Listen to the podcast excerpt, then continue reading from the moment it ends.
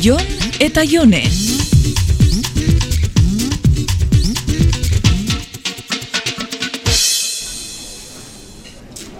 Kaso jone, Hau paion, aizu nahi aldituzu naranja batzuk. naranjak, Bai, badakizu, naranja kolorea eta tenis pelota tamaina duten fruta horiek. igartzen da, goixian goiz esnatu behar ez dana umore hobez esnatzen dala, bai? Bueno, nahi dituzu edo ez. Baina ze, naranjak kamioi bat lapurtu dozu ero zer? Oso gozoa daude eta gainera ez daukate bat ere pepitarik.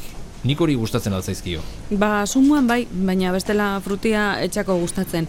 Eta, zu, ze dala ta naranjak? Ba, atzo nere amaren lagun baten etxean izan itzen naranja jasotzen. Uh, amatxito eta bere lagunekin zelako ondo. Ja, hemendik Ah, urte batzutara ikusiko ez du ze pelma izango zean zuere nikorekin. Baina, lau naranja hartzeko zure laguntzia bia zeben? A ber, ez ama eta ez haren laguna ez dira gai naranja ondora igotzeko. Eta etzenuke sinistuko zenba naranja eman dezaken arbola bakar batek.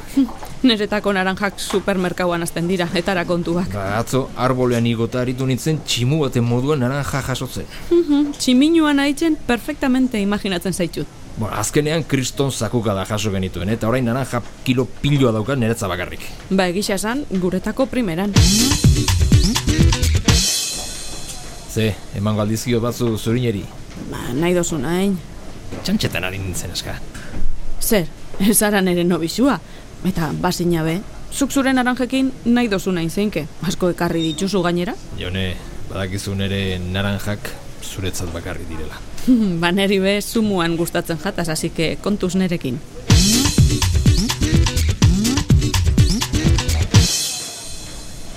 Ba, neri betidanik emondesta bildurra arboletara igotziak. Beti pentsatzen dut, adarren bat apurtuta jauzi ingo naizela. Bueno, arbolak eta arbola daude, eh? ezagutu egin behar. Uh, klaro, eta zuzara espertua. Benga, benga, hasi klasia emoten. Bea, naranja onduak adar fin xamarra baditu ere fuerte usten diote, eh? Gerezi ondoak eta pikondoak dira arriskutsuak.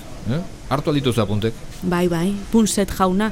Oin keixa arbola bat, piku arbola batetik bere izten ikasi behar dut.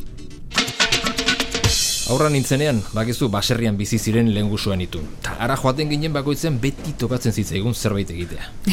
eta oin esango destazu, baserritxarra izan dakoa be bazarala. Ez, baina beti ikasten dezu zehoze. Adibidez, kalefaziorik gabe hotzik ez pasatzeko mimosin sistema. Mimozin sistema? Bai, txikitan izeba osabaren baserriri bere gutxienea deitzen genion, eh? Pentsa.